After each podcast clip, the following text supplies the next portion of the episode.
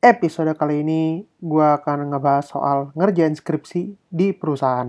Tenang, jangan ke-trigger dulu. Ini nggak akan ngebahas soal kayak, ya masa skripsi dibahas gitu. Gue dong udah lulus. Nggak, nggak, nggak. Gue nggak akan ngebahas gitu. Hah, ya tapi topiknya agak sensitif. Cuman di episode kali ini gue akan ngebahas soal sensitivitas soal topik itu. Tenang, tenang. Dah. Ya udah, kalau gitu kita buka episode ke-12 podcast Bantai, podcast bawa nyantai. momen-momen kayak gitu akan susah Korea.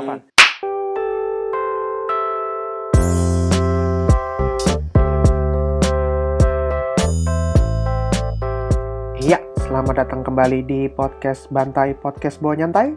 Kembali lagi bersama gue Ibi di episode ke-12. Episode hari ini gue akan mau membahas soal ngerjain skripsi di perusahaan. Skripsi di perusahaan, hmm, kenapa kok bisa gitu? Emang lo ngasih proposal atau apa? Nah, di podcast kali ini gue akan jelasin semuanya. Ya mungkin gak akan sampai selak beluk dalam apalah gimana gue yang kayak, oh gue ngerjain apa di sana ya kan rahasia, rahasia perusahaan. Sebelumnya terima kasih yang udah dengerin podcast gue dari episode 1 sampai episode 11 kemarin. Lengkapnya bisa didengerin di Spotify, Anchor, Apple Podcast, Google Podcast, dan lain-lain. Tinggal klik di sidebar SoundCloud gue. Atau buat yang belum tahu, podcast bawa nyantai ini dulu namanya 19 in a Week Podcast. Cuma namanya kepanjangan ya udah paling gampang paling gampang pakai aja podcast bawa nyantai. Simple, gue juga pakai bahasa Indonesia dan menurut gue ya apa ya menghormati kearifan lokal. Alah, bullshit bullshit enggak enggak. Dah, um, episode kali ini seperti yang tadi gue udah jelasin di awal, gue ngerjain skripsi di perusahaan selama 4 bulan. Gimana ceritanya gue bisa dapetin lowongan itu? Jadi begini, kalau di Jerman ngerjain skripsi itu karena gue kuliah di Hochschule atau setara dengan Politeknik, meskipun sebenarnya sekarang sama sih, dalam artian gue lulus juga hitungannya sarjana atau Bachelor of apalah gitu, insya Allah, amin. Um, ya, lo ngerjain skripsi ini biasanya dikasih tema dari kampus.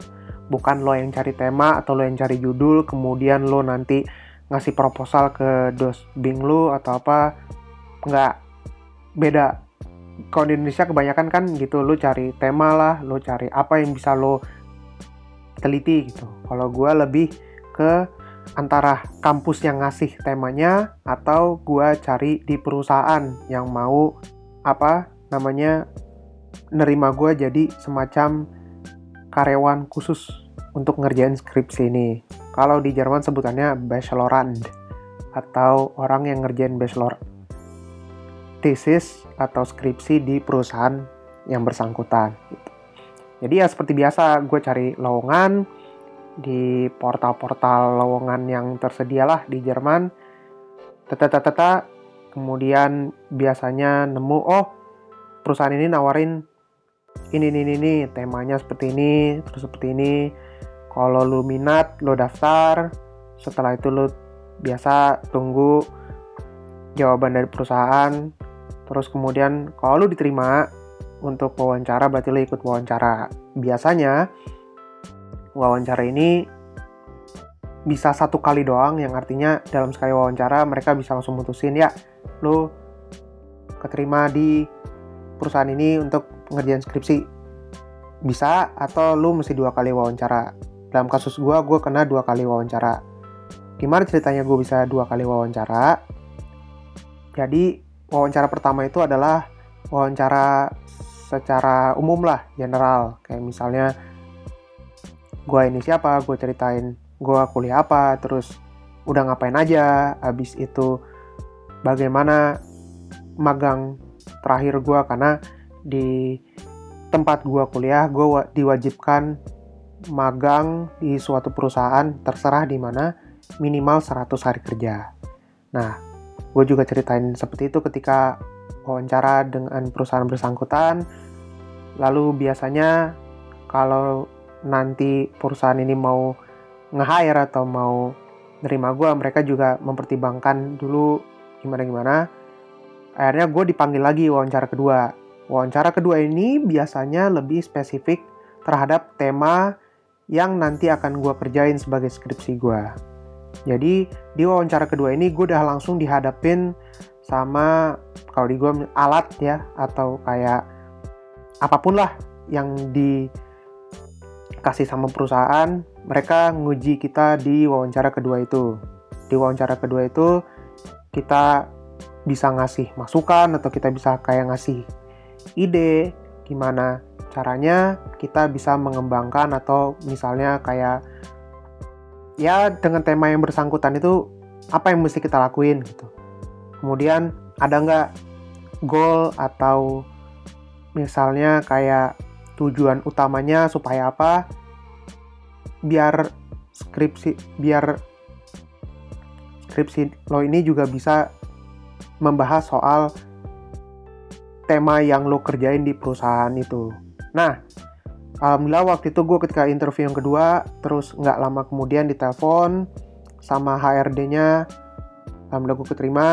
Nah, dari situlah baru kemudian lo ngajuin ya istilahnya proposal lah gitu. Kayak istilahnya lo ngajuin proposal ke dosen pembimbing yang lo pengen. Jadi lu cari dosen, lu kontak dosen, mau nggak mereka jadi dosen pembimbing lu, atau jadi first advisor lu? Kalau istilahnya bahasa Inggris mungkin gue kurang tahu.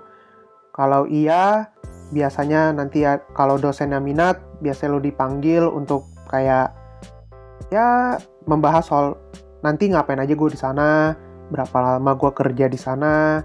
Terus nanti biasanya dosen juga kayak apakah lo tiap bulan harus kasih update ke dia? Atau dalam kasus gue setelah dua bulan gue di sana gue baru kasih update tapi nyatanya gue tidak pernah dibalas email gue atau apa.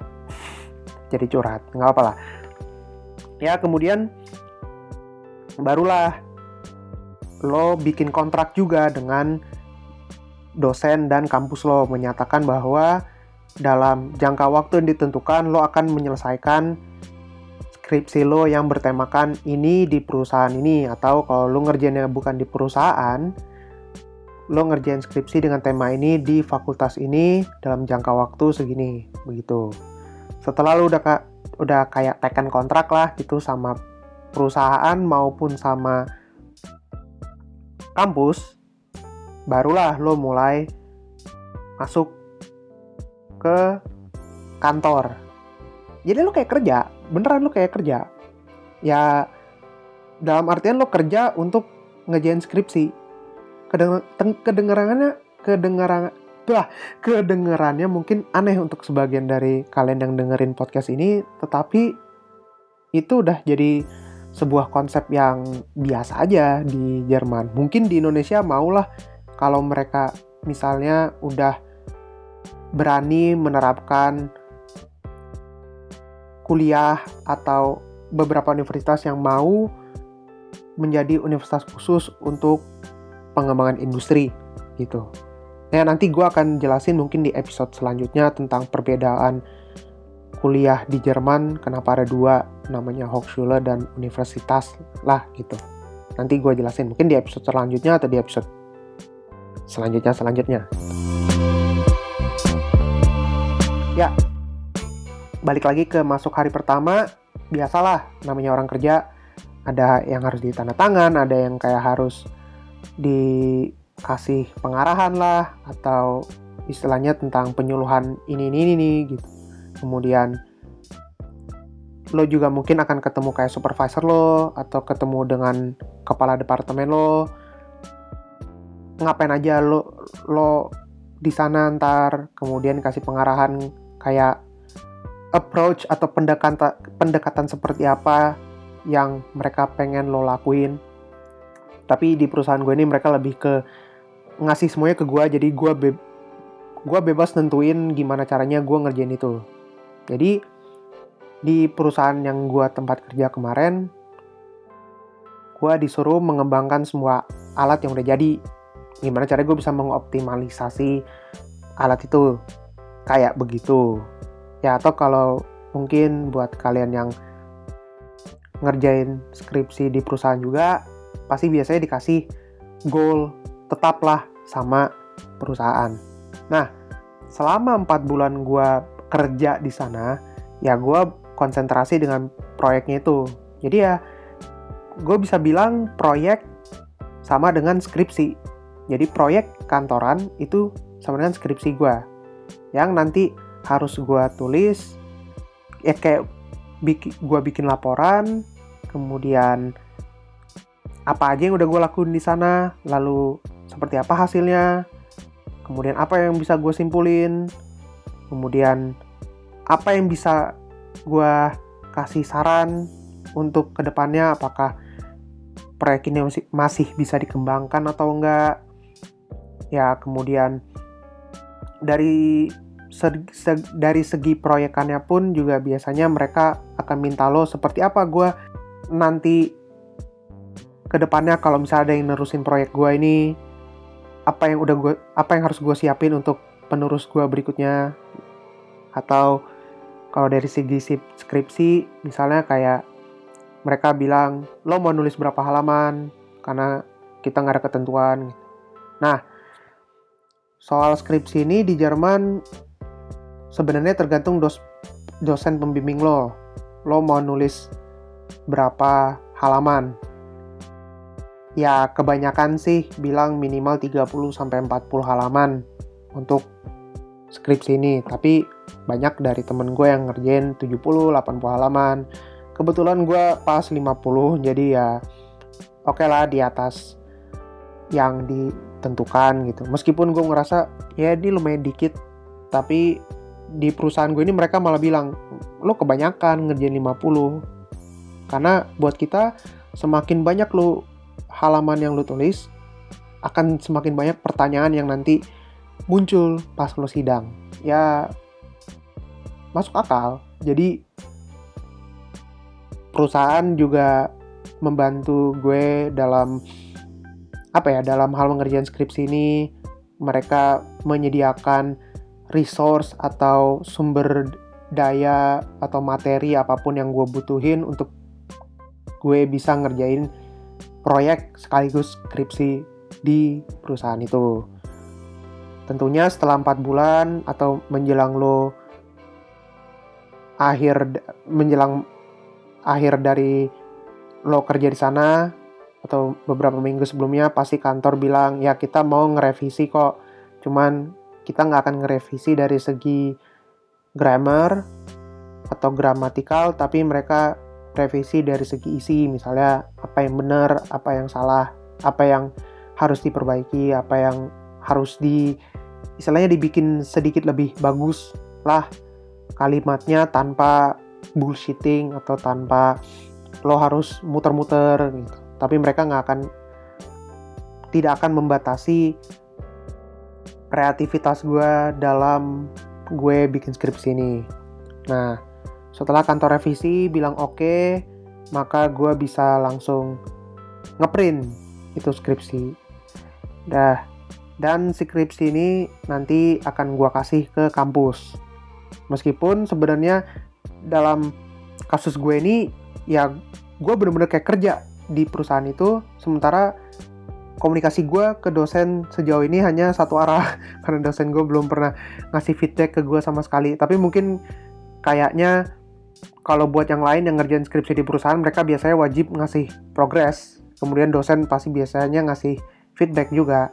Mungkin di gue karena dosen gue sibuk atau apa ya jadi dia anggap ya udahlah lo semuanya baik-baik aja lah di perusahaan gitu. Yang penting gue nggak tiba-tiba kayak misalnya di apa misalnya kayak proyeknya mandek atau misalnya kayak perusahaannya lagi nggak ada duit kan itu ya semuanya gue punya hak lah untuk ngerjain skripsi ini jadi nggak cuma diatur sama dosen ya menurut gue di di mana itu menurut gue bagus sih dalam artian gue bertanggung jawab sama skripsi yang gue buat ini. Nah, udah jadilah skripsi yang gue buat itu, kemudian baru gue kasih ke dosen pertama. Biasanya skripsi ini dikasih ke dosen dalam bentuk PDF. Atau tergantung dosennya lagi. Dosen pembimbing lo mintanya bentuk bentuk PDF atau lo harus ngasih langsung ke dia dalam bentuk yang udah di print atau yang dicetak sama dijilid.